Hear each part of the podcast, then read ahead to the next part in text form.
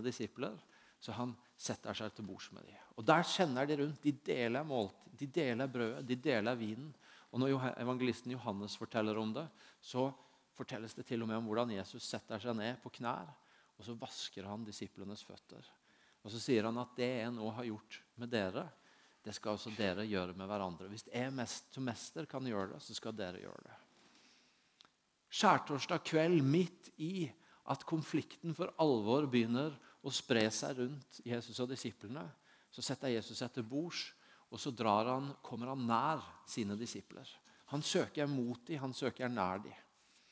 Skjærtorsdag så møter vi på mange måter Jesus som en venn. Jesus sier under måltidet, forteller evangelisten Johannes, at 'jeg kaller dere ikke lenger tjenere, jeg kaller dere venner'. For alt det far har fortalt meg og gitt meg, det har jeg nå gitt til dere. Jesus som en venn som drar nær, sjøl om det mørkner utafor, sjøl om, om, det begynner å bli røft, det de står i. Så har han et fokus, og det å søke nær. Og Det er noe av sannheten om hvem Jesus er i mitt og ditt liv også. At når det begynner å mørkne og tette seg til rundt oss, når det kanskje blåser opp til storm rundt oss, når det er ting som er vanskelig, når vi opplever smerte, sorg, tap, så har Jesus en bevegelse. Og det er en bevegelse mot oss. Han er den som søker å komme nær. Han er den som søker å være venn. Han er den som sier 'Jeg kaller deg ikke tjener, men jeg kaller deg venn'. For alt det far har gitt meg, det søker jeg å gi til dere. Jesus er vår venn, og han søker nær oss. Men så kommer natta, da, og så må de bryte opp fra måltidet. Og så går de ut i det som for alvor er blitt mørkt. Og Når Jesus og disiplene kommer ut i natta, så er det som om de tar hver sine veier. Det er som om for alvor skillet mellom Jesus og disiplene trer fram. For i disiplene så møter vi en del av de tinga som ikke er så mye å skryte av. Vi møter en som er villig til å selge sin lojalitet til Jesus for noen sølvpenger. Et grovt svik av Judas når han forræder Jesus. Vi møter en som har lova at om så alle andre faller, så skal jeg stå der. Og så sviker han òg. Og vi møter slappheten og sløvheten hos denne gjengen som når Jesus kjemper i sin ånd og ber, så klarer de ikke annet enn å sove. Og selv om han prøver å vekke dem og fortelle dem hva det er som står på spill, så klarer de ikke annet enn å sove. Og vi møter unnfallenheten, feigheten. Når det står om, at, om, om, Jesus at når han henger på korset og når han dør, så står det at de som fulgte ham, de sto på avstand og så på. Svik, løgn, feigheter, unnfallenhet. Det er som om denne natta bringer ut noe av det verste i disiplene. Jesus derimot, han møter svik. Han møter falske anklager, løgn om hvem han er og hva han har gjort. Han møter hån. De ler av han, de spotter han, de spytter på han. Ydmykelsen. Og han møter smerten i pisken, i tornekronene og til slutt i korset. Og i naglene gjennom, gjennom hendene hans. Og til tross for at han møter alt dette, så, det, så viker han ikke av en eneste gang. Han holder den veien han er satt til å gå. Han lar seg ikke, eh, han lar seg ikke vippe av på noe punkt for det han møter alt det han møter. Det er som om denne natta bringer jeg fram det verste i disiplene og det beste i Jesus. Og i de disiplene og i den historien om det som kommer ut av de denne natta, så møter vi jo det som er virkeligheten for meg og du også. Nemlig at uansett hvor gira vi er, hvor inspirerte vi kan være, hvor committa, hvor fromme Eller hvor god fasade vi måtte ha evne til å sette opp, så kommer vi alle til et eller annet punkt hvor dritten og synden og det det stinker av i oss, kommer tytende ut og blir eksponert. Hvor det vi skulle ønske at kunne være skjult for alle, allikevel kommer ut fordi det er en del av sannheten om hvem vi er. Skulle ønske det ikke var sånn, skulle ønske det ikke lukta så vondt. Men, men på et eller annet punkt så tyter det ut av oss alle. Og Så kan det virke som at Jesus og disiplene går hver sine veier denne natta. Men grunnen til at de ikke skiller lag, det er at Jesus aldri viker av fra sin vei. Det står om Jesus i Jesaja 53. Vi gikk oss alle vill som sauer. Det, vil si det står ikke først om Jesus, men det står først om oss og disiplene hans. Vi gikk oss alle vill som sauer. Hver tok sin egen vei. Men skylden som vi alle hadde, lot Herren ramme han. Og Så fortsetter Jesaja 53 de neste versene med å si veldig mye om han. Han mishandla. Han ble plaga. Han åpna ikke munnen. Og så lander det i vers 12 med at han tømte ut sitt liv til døden. Han tømte ut sitt liv til døden og ble regna blant lovbrytere. Han tok på seg de mange synd, og han ble ramma i stedet for lovbrytere.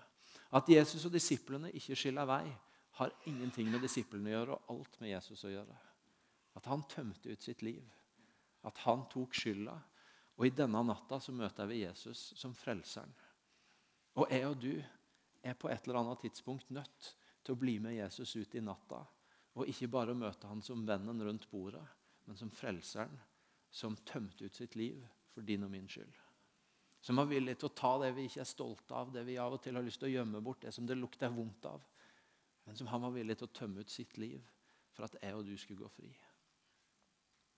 Jeg har noen ganger fått sitte til bords med folk jeg har hatt lyst til å møte. Jeg vet ikke om dere har det sånn at dere har noen dere ser opp til eller beundrer og tenker å, det har vært spennende å møte. De jeg har noen sånne.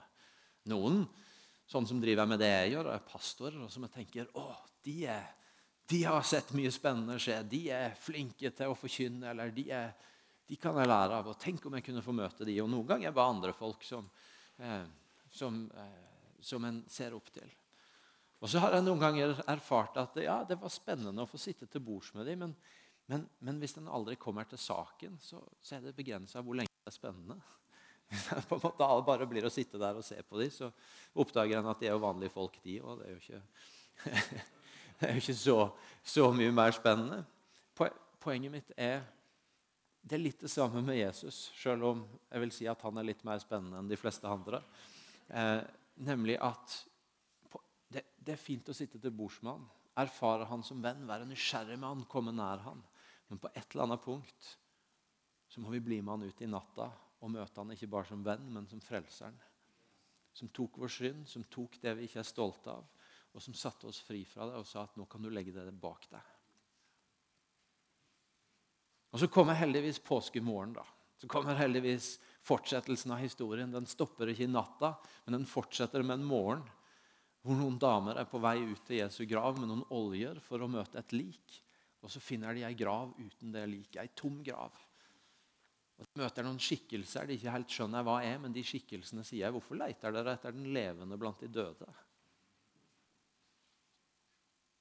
Og Maria hun får se Jesus litt seinere, og Peter og Johannes de tar seg en løpetur ut og møter akkurat det samme. Og, De vet virkelig ikke hva de skal gjøre ut av det. Du skulle tro at festen brøyt ut, men det gjør den ikke, for de er forvirra og de skjønner ikke hva det går i. Men så, heldigvis for de, litt seinere så hjelper Jesus de ut, og så står det at, uh, at uh, av frykt for jødene hadde disiplene stengt dørene der de var samla. Men da kom Jesus, han sto midt iblant dem og sa, 'Fred være med dere.' Og da han hadde sagt det, viste han dem sine hender og sin side. Disiplene ble glade da de så Herren, og igjen sa Jesus til dem, 'Fred være med dere.' Som Far har sendt meg, sender jeg dere. Han står der som den oppstandende. Han står der som kongen. Og Jesus står midt iblant dem som kongen, ikke fordi at han er en som har gjort seg til å kunne pynte seg opp eh, og se flott ut, eller sminke på virkeligheten, eller gjøre tenna litt ekstra hvite. Nei, Han har vært midt i dritten, og for alt det vi vet, så lukta det fortsatt svette av han etter at han svetta i Getseman. Og, og kanskje hadde han blodflekker på seg. Han hadde i hvert fall naglemerkene i hendene. Han står der ikke fordi han hadde evnen til å putte murer og beskyttelse rundt seg, sånn at kongen ble tatt i vare. Nei, han var midt i kampen. Han står der heller ikke fordi han var villig til å la seg lede ut på mange slags kamper som folk syntes han burde kjempe. Han lot seg ikke friste av djevelen, når djevelen ville ha han med på mye rart. Han lot seg ikke friste til å begynne å slåss for sin egen verdighet når Pilatus av, eh, avhørte han. Men han står der som konge av én grunn, og det er at han kjempa den ene kampen som er hans å kjempe. Kampen mot døden, mot dødsriket, mot dødskreftene, mot djevelen sjøl. Og han vant den. og Derfor så står han blant dem som kongen. Og Det betyr at påska og historien om Jesus som den døde og oppstandende ikke bare er en historie om det vi får legge bak oss fordi vi møter han som frelseren, men det er en historie om det vi får tre inn i som ligger foran oss, fordi han også er den levende kongen som inviterer oss inn i et liv hvor han lever, og hvor han er kongen, og hvor han har vunnet over alle de kreftene som skaper all slags død og dritt og elendighet i vår verden. Og Jeg forteller dette fordi det er så viktig for oss å få tak i at den godheten vi snakker om, det er en korsmerka godhet. Som ikke er en sånn litt gøyal, lettvint godhet som, som, som, er kjekk å ha på godværsdager og når overskuddet er der, og når det, når det, hadde vært morsomt å spandere en kaffe på noen, eller, eller å vaske bilene til noen, eller, eller, eller alt det der. Og så, og, så, og, så, er det litt sånn når det passer, og når det er litt lettvint. Nei, Guds godhet, synliggjort i Jesus Kristus, er en dyrekjøpt godhet. Det er en korsmerka godhet. Den koster alt. Og den er på ingen måte lettvint. Og så er det fascinerende at samtidig så begynner evangelisten Johannes sin fortelling om underne Jesus gjorde, med å fortelle om at Jesus kom inn i et bryllup, og så gjorde han vann til vin. Og jeg har tenkt mange ganger Hvis jeg skulle sendt Guds sønn til jorda for å begynne å rydde opp, så er det veldig mye annet jeg ville satt han i gang med enn å rydde opp i bryllup som har gått tom for vin. Jeg kan tenke meg altså, Kjør nå i gang med Den barmhjertige samaritan eller et eller annet. Kom nå på en måte inn på noe som virkelig føles som at vi begynner å rydde opp her.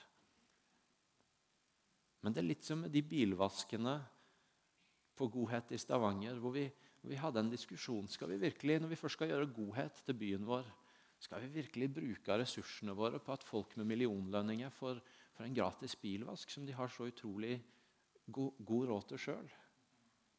Selvfølgelig skal vi det, for de òg trenger å møte godhet. De òg trenger å møte godhet. Og selvfølgelig skal vi det, fordi at Guds godhet er ikke situasjonsbestemt. Guds godhet blir synlig på korset når det koster alt. Men den er like synlig i bryllupet når, vin, når tomheten for vin og, og, og flausa med det blir redda. Fordi at Jesus gjør vann til vin. Fordi at det, om Gud er god. Det er ikke sånn at han sitter og bedømmer er dette viktig nok til at jeg er god. Nei, det er jo karakteren hans. Det er sannheten om hvem han er. Han er god uansett situasjon, uansett omstendighet. Og Det betyr at når vi sier sånne ting som at Gud er god, han er alltid god, så er det ikke et lettvint utsagn, men det er en dyrekjøpt godhet som har potensial i enhver situasjon og i enhver relasjon. Enten det er et, en bil som skal vaskes, et bryllup som har gått tom for drikke, eller det er i møte med synden og fordervelsen som må opp på et kors. Og så er altså dette livet med den oppstandende kongen tilgjengelig for oss. Livet hvor den godheten som blir synlig på korset og i bryllupet, er et liv som vi kan få bære. Hvordan ser det ut? Hvordan ser det ut at jeg og du bærer den korsmerka godheten i vår hverdag. Salme 34 sier 'smak og se at Herren er god'. Og Det betyr at Guds godhet, synlig og tilgjengelig i vår hverdag, er meint å være noe som kan smakes på, som kan erfares, som er tilgjengelig på et eller annet vis. Og Derfor har det hjulpet oss å bli konkrete på at jeg og du vi har mulighet til å gjøre Guds godhet tilgjengelig på helt konkrete, håndfaste måter. Gjennom praktisk godhet, som vi snakker om i denne helga, og gjennom at Hans godhet blir synlig gjennom kraft fra Den hellige ånd og tegn og under og mirakler. I morgen skal vi bruke en hel dag på å snakke om den praktiske godheten. Men jeg har lyst til at dere skal møte én historie til i kveld. Tone Helen er også med i Imi Arendal, og hun har et vitnesbyrd om det å erfare den praktiske godheten. Um, hun er en nybakt tobarnsmamma som må bare lesse av seg eh, minstemann her. Vi, hun kan sikkert ta med seg den mikrofonen som står der, eller? Ja. Tone Helen, hva er det du og Alex har opplevd? Kan hende du må skru den på. Der. Ja. Med grønt lys. Ja. Um, nei, egentlig så Kan jeg begynne et annet sted? Ja. Går det greit? ja. Jeg bare, Godhet er så utrolig viktig. Um, og det har jeg så erfart så kraftig med det å være en nystarta menighet. Vi flytta til Arendal for tre år siden. Um, helt freshe, kjente ingen. Men vi hadde det veldig høyt. Uh, høyt oppe at uh, i den kirka vi starter, så skal godhet være høyt. Det skal være en kultur eller noe vi gjør.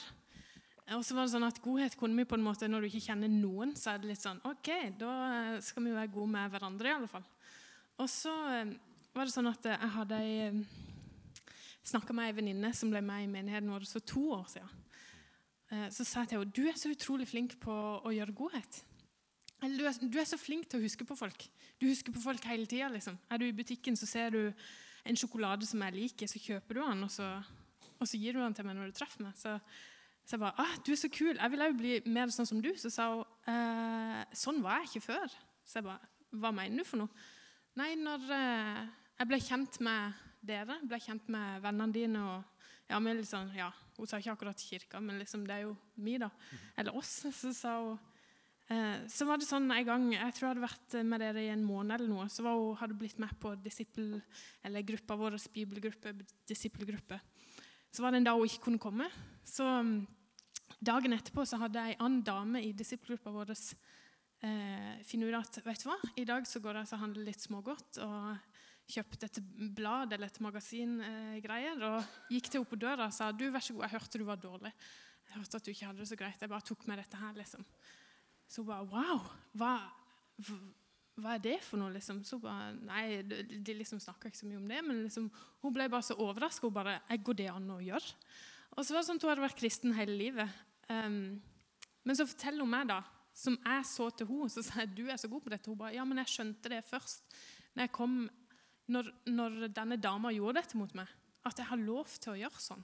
Så jeg bare, å, lov til å gjøre sånn? Det, hun bare, ja, det er sånn det er å være en kristen. liksom. Jeg kan gjøre jeg kan gjøre noe helt konkret nå. Mm. Jeg kan være god mot folk. Så jeg bare Oi, så kult, da. Så det, det med godhetskultur, da, det er litt sånn der, det tiltrekker folk mm. Til oss. Eller de folkene var så De som ble med i menigheten, de, var liksom, de sa så tydelig at uh, det, dere er så gode mot hverandre. Vi har lyst til å være en del av dette. Og det aktiverer folk til noe som de, hun hadde så lyst til å gjøre. Men hun, hun, tenkte at det er jo ikke helt lov. Liksom. Du gjør det jo bare ikke sånt. Mm. Og så plutselig så fikk hun et tydelig eksempel på at jeg kan faktisk bare gjøre sånn. Og så begynte hun å gjøre det. Og nå var det meg som så til henne og bare Det er jo du som, det jo du som kan dette her. Så sorry. Wow, nydelig. Ja, kjempebra. Vil du ta den andre historien nå? Ja. Helt fantastisk. Og så har du opplevd litt godhet òg. Ja, ja, og det er jo den andre sida. Det å ta imot. Det kan være litt tøft uh, av og til. Men um, ja, vi ble akkurat uh, mor og far til nummer to. Uh, og opplevde folk rundt oss som, ja, som bestemte seg for at ja, vi skal vi kommer til middag, med middag til dere hver dag i to uker. 14 dager. Mm. Det er mange dager, altså. Det, og det hadde jeg aldri opplevd før. Så bare, Det er det villeste. Altså, Du skjønner på en måte ikke Du skjønner det ikke før du opplever det. For det er, liksom det, lage, det er ikke bare å lage middag. Du skal, du skal, finne ut av hva du skal ha til middag, og du skal gå og handle det, og så skal du lage det. Og så det, ikke sant? Det, er liksom, det er ikke så mye, men det er utrolig mye. Så det, det var helt overveldende. For da fikk vi plutselig tid til å sitte og bare ja, komme seg etter en fødsel og ta vare på de to sønnene våre og liksom bruke skikkelig tid med dem. Mm. Det var helt magisk. Og så på toppen av det så finner disse vennene ut at uh, de, altså meg og Alex har tenkt lenge på at uh, du, når vi får to, så skal vi ha en tørketrommel. For uh, det funker ikke å bare ha sånn hengestativ når du mm. har to barn. Det har jeg skjønt. Så bare det har noen fortalt meg. Så ok, da må vi få en tørketrommel, da. Eh, og så ble dette snappa opp et eller annet sted. Så finner da disse vennene våre ut at du, vi kjøper en tørketrommel til deg. Så jeg bare, hvem gjør vel det? Kjøper en tørketrommel? Det var du gal. Men nei da, de, de, fant ut at de skulle kjøre en tørketrommel. Så plutselig der en dag, ei uke etter jeg hadde født, så står jeg hjemme eh, i stua og lager mat, for vi inviterte noen venner. Eh, og står liksom inne på kjøkkenet mitt. Og så idet jeg går ut i stua, så Plutselig så står det en stor, hvit maskin på stuegulvet. Jeg bare, Hva er dette her? Nei, vi ville kjøpe en tørketrommel til deg. Og det, var, det, er bare sånn, det, det, er det villeste. Altså, det å få noe som er så praktisk, eh, og at de ville gjøre det og tenkte på meg, det, ja, det, kommer, det kommer jeg til å tenke på hver gang jeg tar den tørketrommelen på. Altså. Det, Det er magic. Det er magic. Takk skal du ha.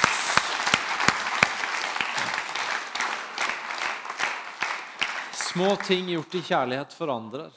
Hvordan ser dette oppstandelseslivet, hvor vi kan få leve sånn at mennesker kan få smake og se at Gud er god, ut? Jo, det kan se veldig praktisk og konkret ut. I middager, i, i måten en velsigner noen rundt seg på, sånn at de igjen blir med på bevegelsen. Og Vi skal snakke mye mer om det i morgen på dagen for dere som blir med der. Og Så står det om Jesus i Apostlenes gjerninger 10.38 at han gikk omkring overalt og gjorde godt. Og så helbreda han alle de syke, og han var fylt av Den hellige ånd og åndens kraft. Og Det er den andre sida av at vi kan få leve et oppstandelsesliv hvor mennesker får smake og se at Gud er god, nemlig at den krafta som reiste han fra de døde, bor nå i oss, og vi kan få se den virke i oss og rundt oss. For noen uker siden så kom en av folka på vårt team hjem og hadde hatt Agenda 1, menighetsnettverket vårt i Mali. Og Der hadde det vært ei muslimsk dame som, som hadde vært, havna inn i noe av det de holdt på med. Og så hadde hun eh, blitt bedt for en skade, en, en, smerte hun hadde. Og så hadde hun blitt helt helbreda. Og så hadde hun med det utgangspunktet at hun fikk smake Guds godhet, så begynte hun å våge å nærme seg han. Og Hun hadde én bønn til Gud. og det var Gud, kan jeg få vite, kan jeg få en kontakt, kan jeg få et livstegn, kan jeg få vite hvordan det går med sønnen min, som jeg ikke har hørt fra på over 20 år. Tre dager seinere ringer jeg sønnen fra Paris. Alt er bra. Det går bra. Det er ikke sånn som skjer bare av seg sjøl, det er ikke sånn som skjer i menneskers kraft. Men det er sånn som skjer fordi at uh, han er den levende kongen. Og hans liv, hans oppstandelseskraft, lever blant oss, sånn at noen kan få erfare en legedom, en helbredelse. Kan få erfare at han griper inn, og at et sånt rop Vis meg at det går bra med sønnen min. At det faktisk er virkelig. Vi har, Dere skal ha helbredelsesrom på søndag. Vi har gjort det i flere år i Stavanger. og kunne delt mange historier om at Gud griper inn og gjør frisk. Og Samtidig er det noe fascinerende med de historiene som pågår også. Vi har hatt en fyr som som har hatt mange plager, både med sukkersyke og andre ting. og en helt sånn liste. Og Så opplever han en dag at legen sier til han, du må bare fortsette å gå på det helbredelsesrommet i IMI. Fordi at alle verdiene dine er bedre. Stadig bedre. Og det er ganske spennende. Når det skjer ting, når det begynner å skapes nye spørsmål. Når du får den der 'mennesket har ikke sagt nei til Jesus, men de vet ikke helt hvem han er'. Og så kommer det nye spørsmål fordi hans kraft begynner å virke blant folk. Og så er det også dette med at han kan tale til oss. En historie som er noen år gammel, men som jeg fikk oppleve sjøl. Jeg fikk kontakt med en som, eh, som eh, jeg hadde kjent tidligere. Han hadde forsvunnet for meg. Det viste at han hadde havna han hadde vært rusmisbruker når jeg ble kjent med han, men han var nykter. og Så viste det seg at han hadde havna utpå igjen. og Derfor så besvarte han ingen av mine henvendelser. og Det hadde gått flere år. og Så, så tok han kontakt igjen var rusfri igjen, hadde begynt å tenke på IMI, på meg, på det livet. Vi begynte å ta opp en kontakt, og vi begynte å gå turer sammen, lese et kapittel av Bibelen, snakke om det, snakke om livet, snakke om tro. Så går vi en dag rundt Mosvannet i Stavanger, og så opplever jeg Gud igjen og igjen sier du må si til han at i mine øyne så er han en diamant. Jeg vet ikke hvordan det er i Froland, men i Stavanger eller for den del i Tvedestrand, så er ikke en vanlig del av det mannlige vokabularet å gå rundt og kalle andre menn for diamanter. Så jeg hadde en viss motstand mot dette ordet og kjempa litt med meg sjøl. Men eh, OK, da. Til slutt så sier jeg det. vet du, Jeg tror bare Jesus vil si til deg at du er en diamant i hans øyne. Så lander roret, og så går det noen dager, og så er det andre pinsedagsgudstjeneste i meg, og så tar han imot Jesus. Guds godhet tilgjengelig gjennom også det som ikke vi kan gjøre, men det som Hans ånd kan gjøre. Et oppstandelsesliv med kongen som er den oppstandende, hvor han får virke gjennom oss både så konkret som i en bilvask, en middag, en tørketrommel, et malt hus, en rydda hage, og hvor han også får virka gjennom oss med sin kraft. Ved helbredelse, ved profetiske ord, ved at han griper inn. Det er det livet som er åpna opp for oss etter påska, og som godheten handler om. En godhet som er forankra i korset, men som har alle muligheter fordi han sto opp igjen og er den levende. Skal vi reise oss opp og be sammen?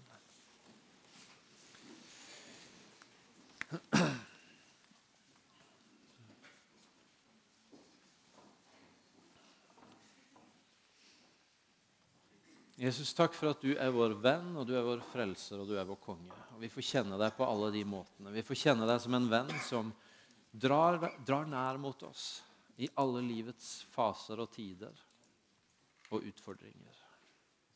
Og du er vår frelser som tar det som vi ikke kan ta bort sjøl, og som vi ikke er stolte av.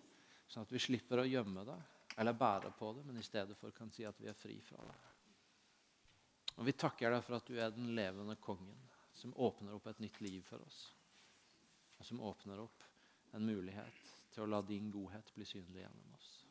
Jeg har lyst til å be deg om at denne helga skal få være en sånn skikkelig kraftinnsprøytning i godhetsbevegelsen på Sørlandet. Både i Froland og i Arendal, og at det gjerne må spre seg videre til andre steder i regionen.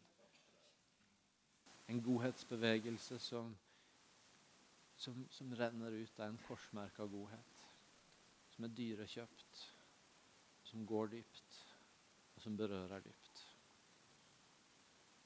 Jeg ber deg for alle nabolag og alle arbeidsplasser som er representert her, om at din godhet skal få flyte imellom, gjennom mennesker her og ut i nye nabolag, i nye hus, på nye arbeidsplasser, på nye steder.